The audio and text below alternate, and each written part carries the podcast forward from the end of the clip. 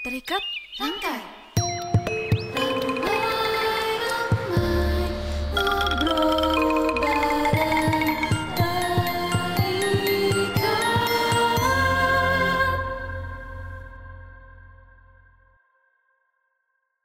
Halo semuanya, Eh, pendengar setiap podcast Rangkai di mana pun kalian berada.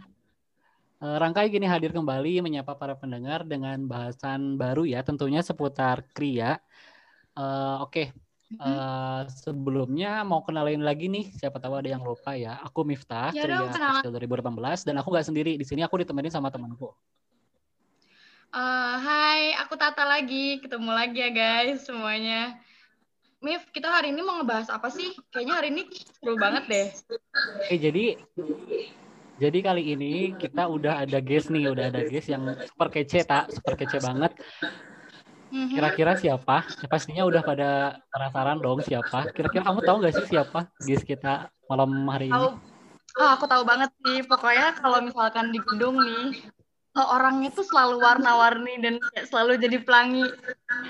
Yang kayak kalau misalkan pakai baju warna-warni semua sampai waktu itu juga rambutnya warna merah. Yang kayak kalau jalan tuh pasti kayak itu kaone, itu kaone. Dan eh, Pokoknya pembawaannya tuh ceria banget deh. Iya ya bener banget sih emang. Dan stay mm, muda. Oke, jadi kali ini kita kedatangan Kak One Kriya Keramik 2016. Hai. Dong. Hai. Halo Kak One. Halo, halo. Kenalan kan suaraku? Eh, kedengaran kan? Kedengaran. Oke, mantap. Ya udah deh. Tadi kan udah di present nih Kak One. Berarti sekarang tinggal Kak One nih kenalan sama pendengar setia eh, Rangkai di mana pun mereka berada. Silakan Kak One kenalan dulu. Hai, pendengar setia apa Rangkai ya? Hai, Rangkai. pendengar setia Rangkai. Nama aku One. Aku eh, alumni. Aduh, udah bisa ngomong alumni. Aku- guys. Masih Aku fresh? Kriya Keramik, eh, Kriya Keramik ITB 2016 dan baru aja alhamdulillah sudah disidang, sudah dinyatakan lulus meskipun belum wisuda gitu. Hai. Halo Kak One. Sehat ya Kak One ya? Alhamdulillah sehat. Oke. Jadi kita tuh penasaran deh sama eh, tugas akhirnya Kak One karena kemarin sempet banget ngeliat di di story Instagramnya Kak One Instagram. itu tugasnya tuh lucu-lucu. Ya lucu-lucu banget. Like me. Jadi jadi unik banget sih, unik banget, lucu, beda dari produk keramik biasanya. Nah, itu kayaknya keramik buat mainan anak ya One ya? Hmm, mungkin tepatnya bukan buat mainan ya, tapi dia lebih untuk media stimulasi. Oh. eh, indra peraba. Kalau aku sih ya sih eh, panjangnya mah media stimulasi indra peraba untuk balita gitu. Jadi buat stimulus eh, rangsangan balita gitu ya. Yes, buat stimulus indra peraba untuk balita gitu. Tapi boleh tahu dong Kak One konsep dari tugas akhir kemarin yang dibuat sama Kak One itu kira-kira kayak gimana sih konsepnya sampai ke bentuk akhirnya eh, tugas akhir bentuknya eh, stimulus buat eh, anak balita dengan keramik gitu. Eh, konsepnya dijelasinnya dari mana nih? Ada yang dari ketika aku riset atau konsep besarnya aja? Konsep besarnya aja deh kak. Sebesar ya. Oke, konsep besarnya itu, jadi em, kan sering gak sih kalian kayak nemu ya, misalnya balita diajak ke pantai, terus mereka berdiri di pasir, terus mereka nangis, yang kita nggak tahu alasannya apa. Atau nggak usah jauh-jauh pasir, kadang-kadang megang tembok tuh juga suka nangis, baru masuk ke air juga suka nangis. Nah, setelah aku research, research, research, mungkin nanti kita bisa bahas researchnya, ntar aja ya aku research itu ternyata mereka itu bisa nangis karena mereka itu belum pernah ketemu tekstur yang kayak gitu sebelumnya. Jadi mereka kayak kaget. Eh, ini apaan? Anjir, ini ini, ini apaan? Aku, aku tidak tahu ini apa gitu. Jadi kayak jadi ripuh sendiri gitu karena dia nggak kenal gitu kan. Nah, terus karena mereka nggak kenal itu, makanya tuh sekarang banyak banget sebenarnya mainan-mainan anak yang udah punya tekstur atau biasanya tau gak sih kayak squishy squishyan atau kayak mainan yang emang ada tekstur-tekstur timbulnya gitu kan. Nah, cuman kebetulan karena aku mahasiswa keramik, aku tuh berpikir kan kayak selama aku kuliah di keramik tuh sering banget kayak kayak iseng gitu bikin gak usah iseng maksudnya di tugas juga suka bikin tekstur yang timbul terus atau tekstur yang apa tuh bahasanya ya kalau mendelesep ke dalam tuh lawannya timbul ya yang kayak gitulah ya.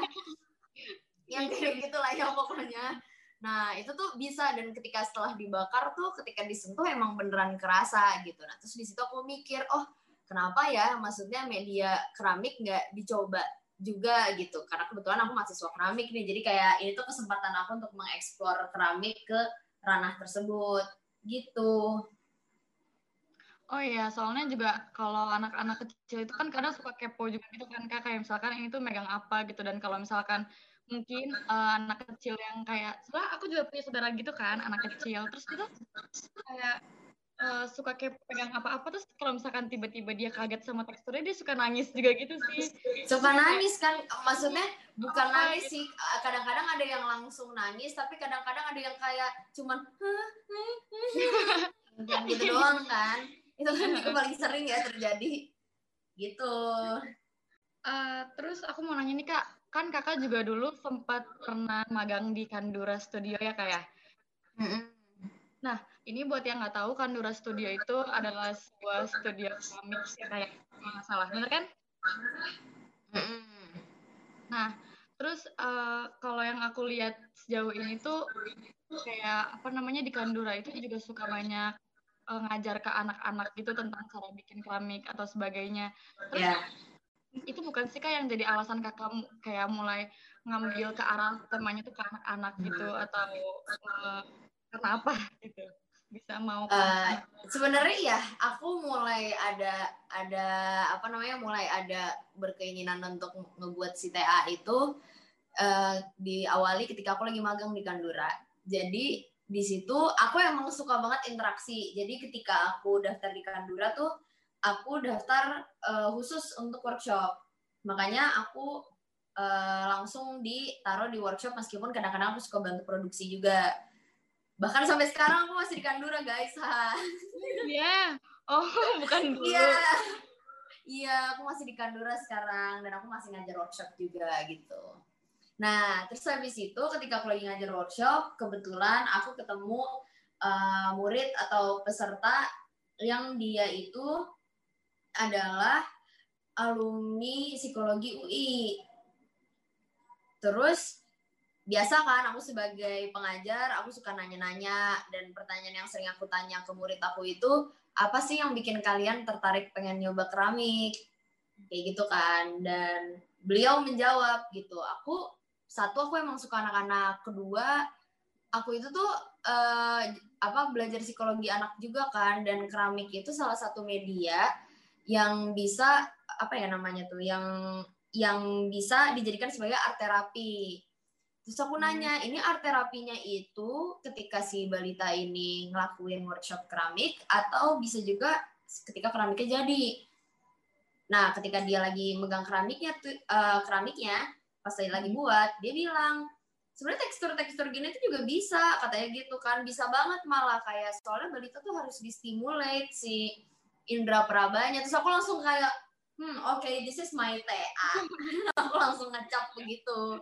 Terus Muncul lah. akhir- Iya, akhirnya aku langsung kayak setelah ketemu dia, akhirnya aku langsung mulai tuh nyari-nyari soal eh, apa ya, lebih ke hubungan antara si tekstur terhadap balita, range umurnya berapa, sampai aku bela-belain minjem buku temen aku yang anak psikologi juga kayak tebel banget judulnya kayak Human Psychology kalau nggak salah atau Human apa gitu pokoknya berat banget tuh bukunya itu sampai aku rela baca dari awal sampai akhir dan emang beneran ada gitu sih eh, hubungan antara balita dengan tekstur ini dan fungsinya apa gitu.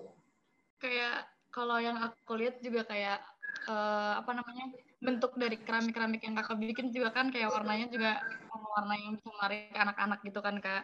Terus kayak aku tuh ya. iri aja gitu. Kayak mungkin pas zaman aku kecil tuh nggak ada mainan sekeren gitu gitu loh. Kayak aku mainnya tuh dulu pas di tanah Itu gitu main mainan yang ditarik tuh nggak? Iya, kan, main- yang, dita- yang ditarik.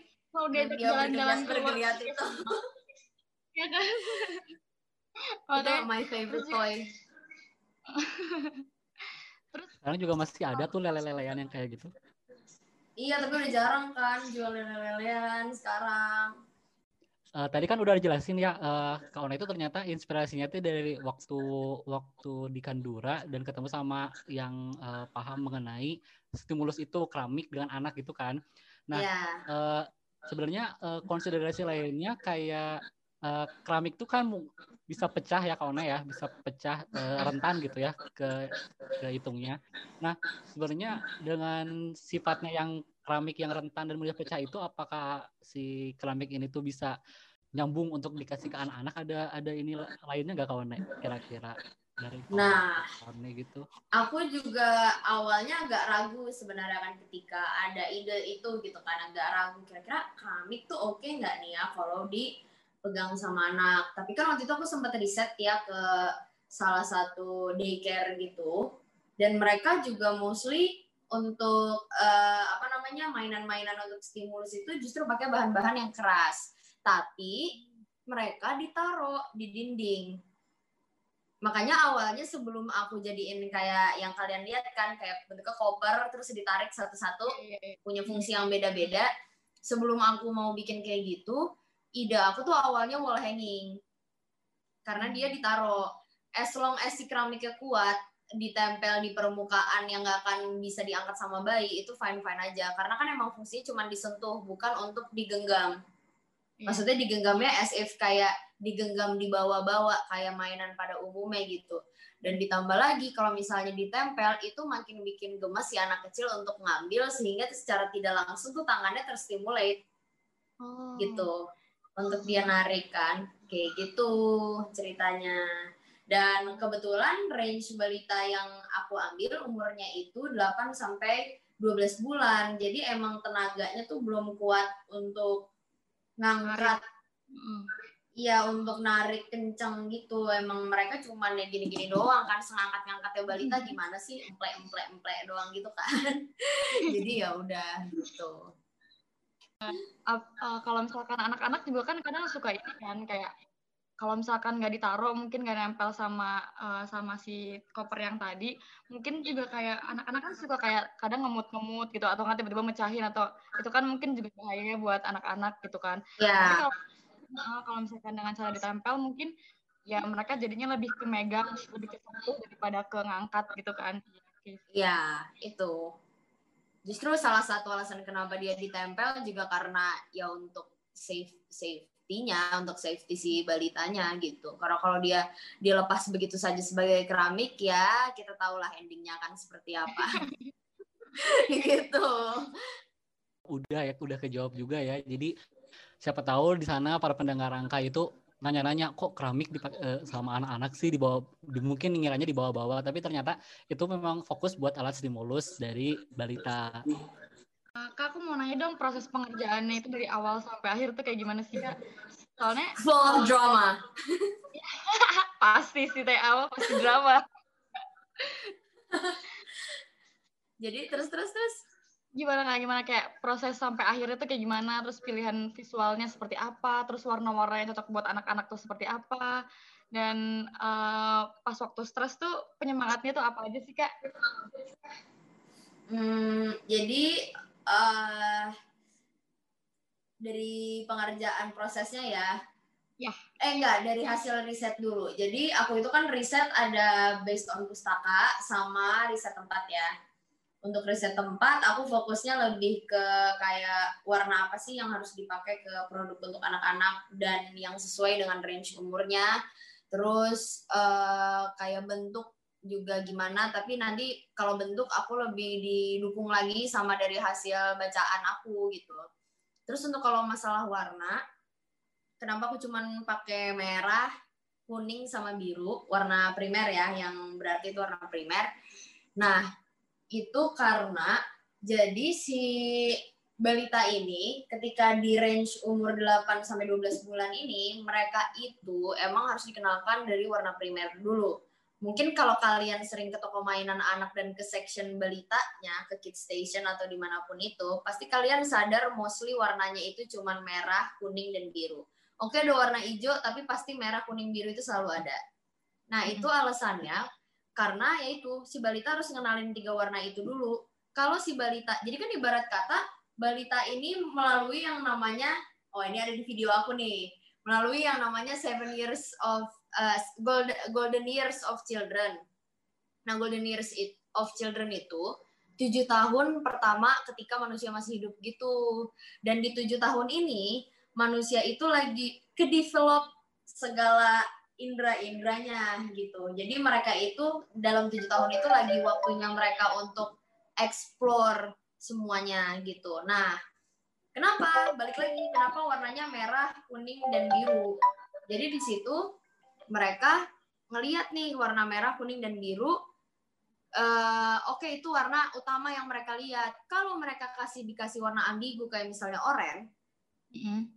Ternyata di umur segitu mereka akan bingung nentuin itu merah atau kuning.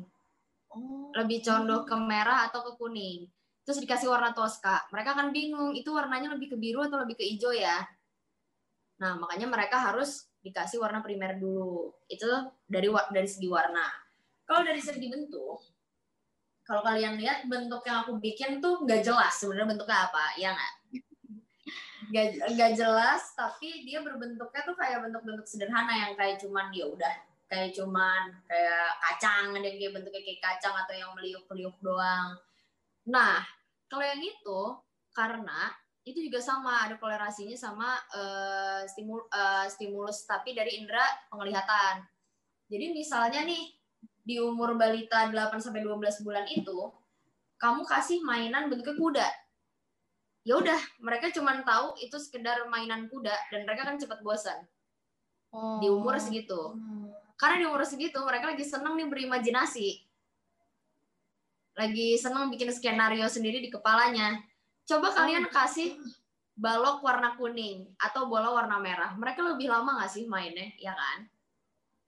Oh, karena ya, berarti ternyata dikasih bendanya tuh dikasih benda-benda yang bentuknya tuh masih eh, apa ya masih kayak awal untuk kayak apa ya masih bentuk bentuknya yang nggak pasti eh, bentuk yang nggak pasti supaya mereka bisa berimajinasi lebih gitu ya kak Betul. Jadi nanti kalau kayak contoh misalnya, kayak kalau kalau bayi gitu atau balita dikasih box warna kuning, kan nyangkanya bisa itu tahu, keju, atau SpongeBob gitu kan.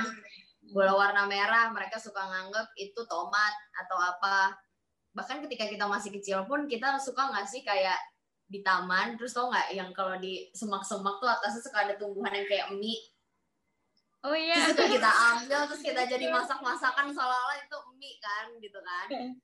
Nah jadi ya itu untuk menstimulasi imajinasi si balita kalau dari segi bentuknya gitu. Nah kalau proses sebenarnya proses aku tuh simple banget cuman pakai kan aku ada tiga tekstur ya. Ada yang tekstur kasar ada yang tekstur halus sama tekstur timbul kalau yang tekstur kasar tuh gampang banget itu cuman si tanahnya tuh pakai teknik slabbing teknik slabbing tuh jadi kayak kita bikin adonan kue yang digiling gitu terus habis itu di-cut, dipotong, terus tinggal disusun. Nah, itu namanya teknik slabbing.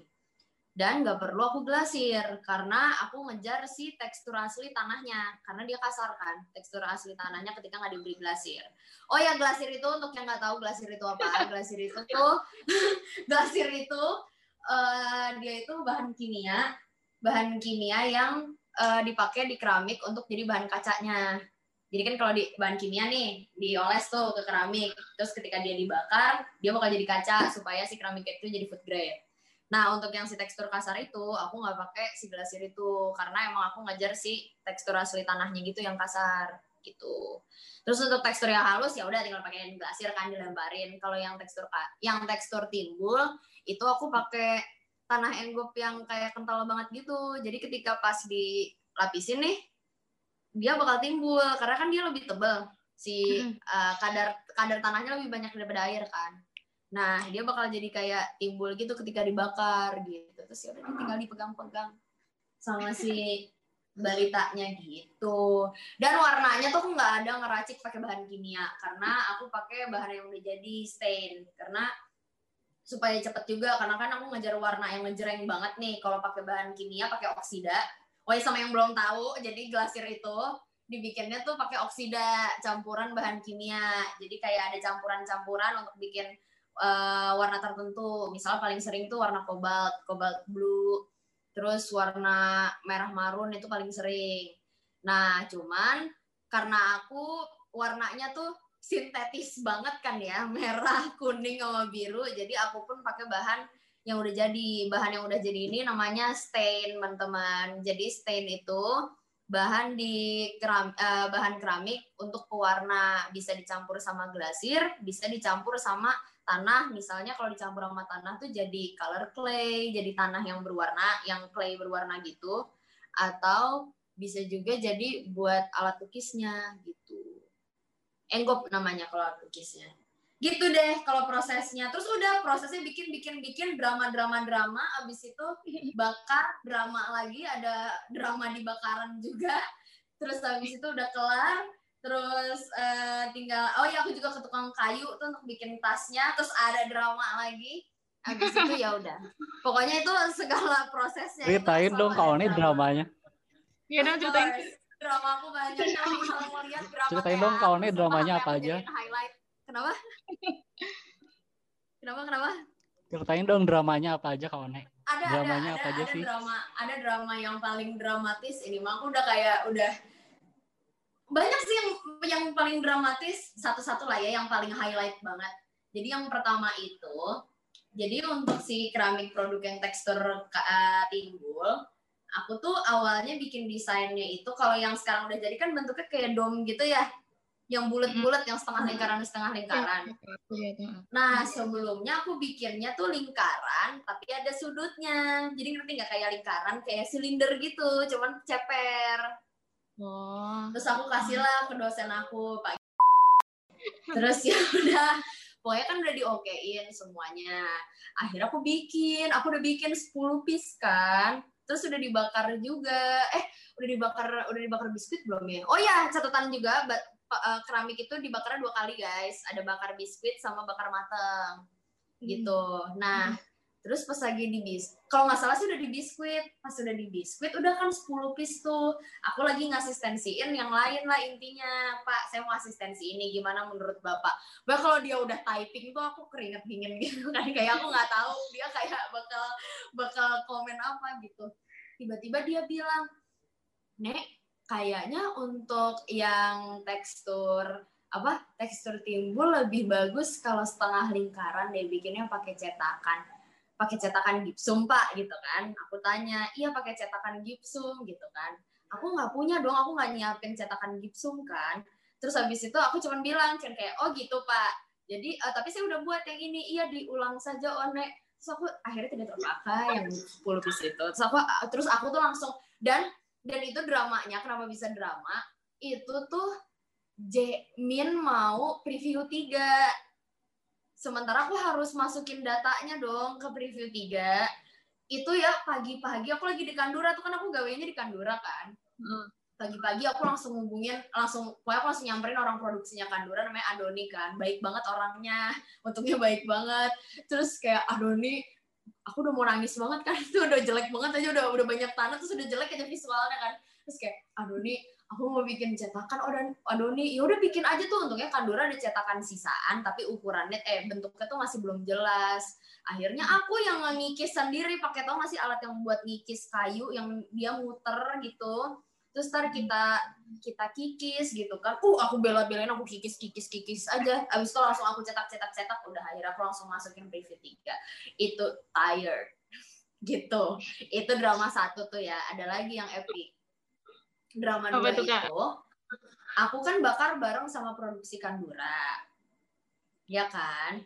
Terus ya kadang-kadang di Kandura juga suka nyoba-nyoba dong kayak pakai tanah maksudnya pakai tanah baru atau yang kayak gimana gitu kan untuk produksinya mereka.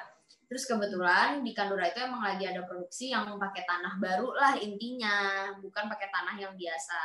Dibakar bareng sama keramik punya aku dan itu lagi bakaran mateng lagi bakaran final lah ya bakaran mateng tuh Kayaknya aku tahu deh arahnya. Nah, pas dibakar, udah tuh aku lagi pagi-pagi datang nih ke Kandura Syu dudu dengan energi positif gitu karena sebentar lagi sidang kan. Terus kayak Syu dudu bentar lagi gue sidang gitu kan dan karya gue udah beres semua gitu kan. Terus pas aku masuk, terus aku ngecek karya aku tiba-tiba tuh si pecah. Aduh, si pecahan-pecahan yang si karya yang dites itu nempel di keramik aku dan ada berapa piece gitu banyak. So aku tuh kayak itu aku bengong gitu kan, kayak benar-benar bengong beberapa detik gitu loh di depan keramik aku kayak waduh ini gimana nih gitu kan. Habis itu aduh ini akhirnya nyamperin, oh nek maaf banget ya itu pecah gitu kan pecah si keramiknya. Terus aku aku tuh nggak enakan banget kan sama Adoni karena dia baik dan dia bantuin bakaran aku kan. Terus aku langsung kayak oh iya nggak apa-apa Doni. Tapi sambil berat gitu kayak iya iya nggak apa-apa Adoni gitu kan. Tapi untungnya karena dia orangnya sakti Adoni itu orangnya sakti banget. Dia tuh di kanduran dipanggilnya Ganesha karena dia bisa apa aja. Terus habis itu kayak ming- minggu besoknya tuh si si keramik yang nempel itu tuh udah hilang dan si keramik aku udah mulus lagi gitu. Aku nggak tahu dia pakai pakai jurus-jurus apa atau magic magic apa tiba-tiba bisa kayak gitu. Dan alhamdulillah banget aku langsung minta thank you banget ya sama Doni. Dan sebenarnya masih banyak drama lagi tapi itu yang terhighlight lah. Gitu. Terhighlight. Gitu Ya sih kan soalnya kalau, kalau ngelihat kayak denger denger uh, derita deritanya anak keramik pasti dari dari pembakarannya itu kan ya kayak soalnya tricky banget kalau antara punya kita yang yes, betul. kenapa dengan orang lain gitu kan. Iya, iya, dan itu sering kayak sering terjadi banget gitu loh. Makanya kita tuh sebenarnya ya kalau jadi anak keramik, kita tuh nggak boleh terlalu positif energi. Maksudnya positif energi bagus, tapi kita nggak boleh terlalu positif gitu loh, terlalu pede tuh nggak bisa. Kayak keramik gua nanti keluar tungku akan bagus, tidak itu tidak nyata di dunia keramik. itu tidak nyata. Kita tidak tahu apa yang akan keluar dari tungku itu akan seperti apa gitu. Gitu. Ya denger dramanya tadi ikut deg-degan sih kalau jadi kawannya kayaknya deg-degan banget. Tapi untung udah selesai ya kawannya ya, udah lancar sampai Iya. akhirnya. Enggak, Aduh. alhamdulillah. Sarjana. Iya. Jadi cerita sih. Ah, Oke, jadi eh, tadi kan kalau misalnya dengar dari cerita kayak hanya Kak One, eh, jadi keramik itu ternyata bisa apa aja gitu kan. Mungkin di luar sana masih banyak beranggapan kalau keramik itu mungkin tableware. Terus juga eh, mungkin eh, ada yang taunya kayak keramik yang buat patung-patung itu kan buat dekorasi juga. Potensinya tuh banyak banget juga. Nah, menurut Kak One sendiri, kira-kira potensi keramik itu eh, yang lain mungkin yang jangan diketahui orang kira-kira apa aja sih sebenarnya? Banyak banget banyak banget sumpah. Setelah aku masuk keramik dan aku nge-explore sendiri tuh kayak ya udah emang bener-bener banyak. Oke yang paling umum sebenarnya emang bener kan tableware terus kayak interior eh, produk interior eh, kria gitu ya produk kria interior. Cuman ketika kita mulai nge-explore lagi itu tuh ternyata banyak banget. Bahkan waktu itu aku sempat ngajuin pengen bikin eh, cerita anak tapi dengan media keramik jadi nanti dia bentuknya tuh wall hanging, tapi dia tuh sebenarnya punya cerita, tapi cerita simpel aja kayak untuk ditaruh di rumah sakit misalnya atau sekolah. Kan buat hiasan dinding tuh, tapi punya cerita misalnya kayak metamorfosis kodok. Metamorfosis kan ya benar kan? Ya. Tersalah lagi nih. Metamorfosis mah kupu-kupu. Kodok juga tahu kan? Iya, kok kodok juga nggak sih? kecebong. Kodok Oh juga. iya. Iya, dari Kodok kecebong. juga. Nah, Oke terus- oke apa aja yang Eh, nggak tahu. kayak pertumbu- apa pertumbuhan bunga yang kayak gitu-gitu jadi buat cerita anak juga bisa terus untuk apa juga bisa banyak deh bahkan temen aku aja bikin cookware untuk masak surabi gitu Oh. jadi macam-macam sebenarnya as long as sering-sering nge-explore si tanah itu sendiri. Ini aku mau nanya dong kak tentang lebih lanjut gimana hobi kakak. Soalnya kan kalau misalkan aku lihat dari eh, IG kan kakak juga suka ini ya kayak gambar Pokemon ya nggak sih kak? Kakak suka Pokemon. gambar Pokemon terus Terus apa namanya kayak suka digital illustration juga. Terus kakak kayak kalau misalkan dari segi fashion juga kan kakak juga ya tidak akan kalah. I am I am the best Karena pelanginya CADL mana mungkin. eta pisan eta. Terus kenapa pada akhirnya kakak tuh ngambil TA ini tuh sebagai apa? Kenapa kakak akhirnya ngambil TA-nya tuh nggak berkaitan dengan itu gitu? Kenapa tiba-tiba kayak kakak ngambil tentang anak-anak gitu? Ya, Satu aku emang suka anak-anak satu ya. satu kan memang suka anak-anak, kedua hal yang berbau anak-anak selalu warna-warni, which is I am colorful, right? Jadi masih menggambarkan aku gitu. Itu kedua. Ketiga, kalau masalah dikaitkan dengan digital illustration, sebenarnya aku dari awal masuk keramik tuh benar-benar nyari banget nih kayak di mana sih keramik eh, bisa gitu. Gue gambar di situ yang lucu-lucu gitu atau yang makhluk-makhluk bertampang blow on gitu kan gimana gitu caranya. Cuman ternyata setelah dieksplor agak sulit sih karena kan jatuhnya kan kalau mau ngebuat makhluk tuh sculpting ya. Maksudnya untuk cari konsep yang emang mateng di di teknik sculpting tuh agak sulit apalagi misalnya karakternya mau bikin karakter yang gak jelas kayak karakter-karakter aku gitu kan. Hmm. jadi sulit gitu. Akhirnya aku nyarilah yang jalan tengahnya gitu kayak yang oke gue bisa tetap onek nih tapi punya makna yang edun gitu naonnya. Nah ternyata kebetulan ketemu sama si teteh yang aku ajarin itu yang di Kandura terus dia mencerahkan otak aku terus akhirnya oke alat stimulasi indera praba balita gitu Berarti kakak Ya, tuh udah sih. udah pernah a- awal mulai kerja di Kandura tuh udah dari kapan sih kak? Dari pas kuliah? magang Oh, magang kan ya, awalnya kan di, awalnya di magang terus pas TA nih corona kan terus setelah corona eh maksudnya pandemi gitu kan Mm. Ketika pandemi studio di kampus ditutup akhirnya aku minta izin sama Katisa salah satu pemilik Kandura yang di ITB juga.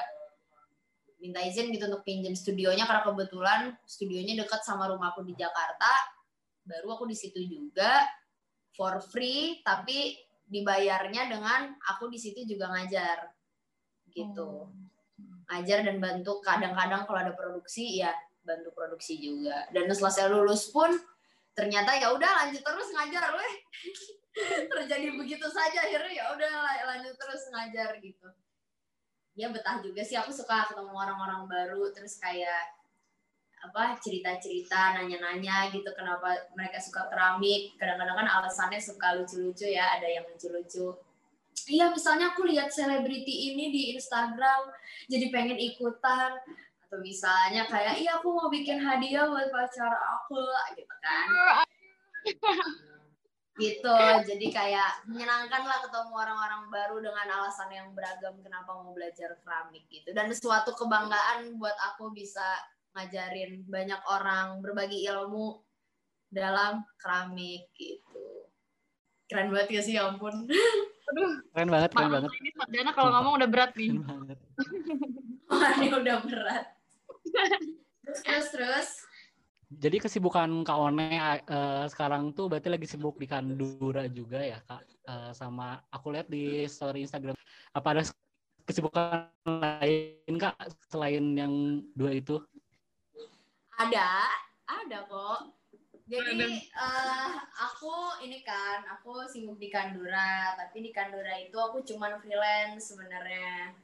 Freelance-nya karena sebenarnya alasan utamanya karena aku nggak mau hilang gitu, eh, apa ya, nggak mau hilang bisa keramik gitu loh. Karena kan kayak kalau misalnya udah nggak megang keramik tuh bisa lupa kan. Dan aku nggak mau lupa gitu. Dan kebetulan ya udah aku udah tenggelam di dunia. Aku suka ngajarin orang aku suka berbagi ilmu sama orang-orang. Terus kayak susah aja gitu lepasnya udah seneng gitu kan kayak gitu itu cuman aku freelance aja gitu kalau untuk di Kandura terus kesibukan lain sebenarnya aku lagi ini lagi kerja di studio game gitu sebagai 2D artis Oh, gitu Aku baru tahu Keren loh. banget, keren banget. wow.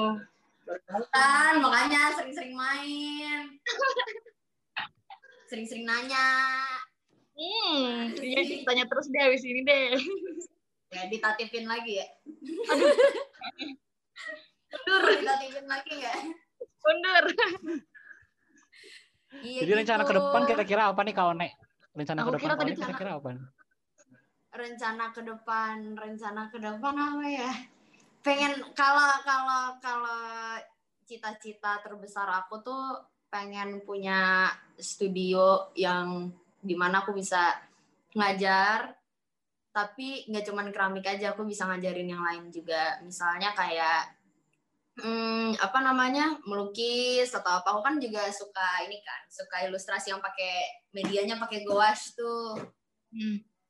ya kan? Nah aku apa namanya pengen gitu punya studio sendiri studio kecil aja gitu di mana orang bisa datang ke sana aku ajarin bagi-bagi ilmu dan lain-lain. Misalnya naruh buku-buku anak juga di situ kayak gitu. Itu cita-cita terbesar aku amin Amin, amin. Betul. Mulia banget cita-citanya, sumpah keren banget kawan Mungkin ada- nanti di studio itu bisa ngajarin, bisa ngajarin perform juga gak sih di studio?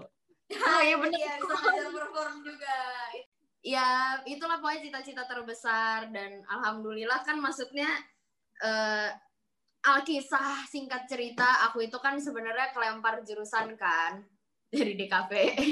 Oh. terus ya terus eh, awalnya kayak bingung banget apa ya kayak gue nggak pernah megang yang lain selain megang digital illustration gitu kan terus gue harus ngapain anjir gitu kan. Terus ya udah ketemulah senior aku terus ngajak ngajakin waktu itu ada pameran binar kan ngajakin bikin karya bareng. Bikin karya bareng dari media keramik. Terus ayo yuk kalau mau nyobain. Eh ternyata suka dan dari situ aku kayak turning pointnya tuh kayak dapet pencerahan gitu loh kayak oke gue tuh nggak harus stuck sama satu hal yang gue bisa aja. Kayak gue harus nyoba yang lain dan akhirnya ketika kita udah bisa nih nyoba yang lain kita tuh jadi bisa semuanya gitu dan kita bisa bagi ilmu itu ke orang-orang banyak gitu loh. Tambah pahala satu tambah duit juga dua gitu Kalau misalnya kita flashback ke eh, episode pertama rangkai gitu kan kita ngomongin tentang kriya ya, ngomongin tentang prodi kriya ini kayak gimana outputnya nanti kayak gimana. Gue dengar dari episode 3 ini cerita dari Kaone mungkin para pendengar di luar sana makin kebayang nih kalau kriya tuh nggak cuman itu-itu aja gitu, tapi bisa nge-explore banyak hal gitu nggak sih Kaone? Iya betul betul terutama kalau misalnya nariknya kriya lebih garis besar lagi nggak cuman kriya keramik doang maksudnya dari kriya keramik sendiri atau kriya tekstil sendiri aja tuh udah bisa luas banget kan bisa ke mana-mana. Terus gimana kalau kriya yang lebih besarnya lagi? Kriya itu kan ada macam-macam ada kriya kayu ada logam dan lain-lainnya gitu. Yang penting kita tuh handcraft gitu kita buatan tangan Em, pokoknya aku senang banget sama kawannya udah mau bagi-bagi buat kita semua. Kayak apalagi kan aku juga terima kasih. yang apa namanya yang Dong. sangat suka juga sama keramik dan kayak kakak juga udah ngasih banyak insight ke kita semua yang udah denger dan aku dan Miftah. Oke, makasih banyak ya. Makasih banyak Semoga. Selalu. sama-sama you Semoga terwujud tuh. Bisa bikin Semoga studio. impian-impiannya, Amin, semoga amin, amin, amin, dimudahkan Ya. ya tujuan yang mulianya tercapai. amin, amin. Eh, pokoknya buat pendengar semuanya juga, eh, pokoknya jaga kesehatan buat kawannya juga, buat Miftah, buat sem- teman-teman semuanya. Eh, semoga kita sehat dengan semua segala pandemi ini dan. Iya, dan pokoknya kalau keluar rumah jangan lupa pakai masker. Ya, Jaga protokol kesehatannya biar Eta bisa. hilang. Amin. Oke, Amin. terima kasih semoga wisudanya nggak online. Jadi kita bisa ketemu lagi kita bisa fancy night lagi. Oh iya fancy night. Fancy night jangan lupa. Terikat rangkai. Ramai-ramai ngobrol.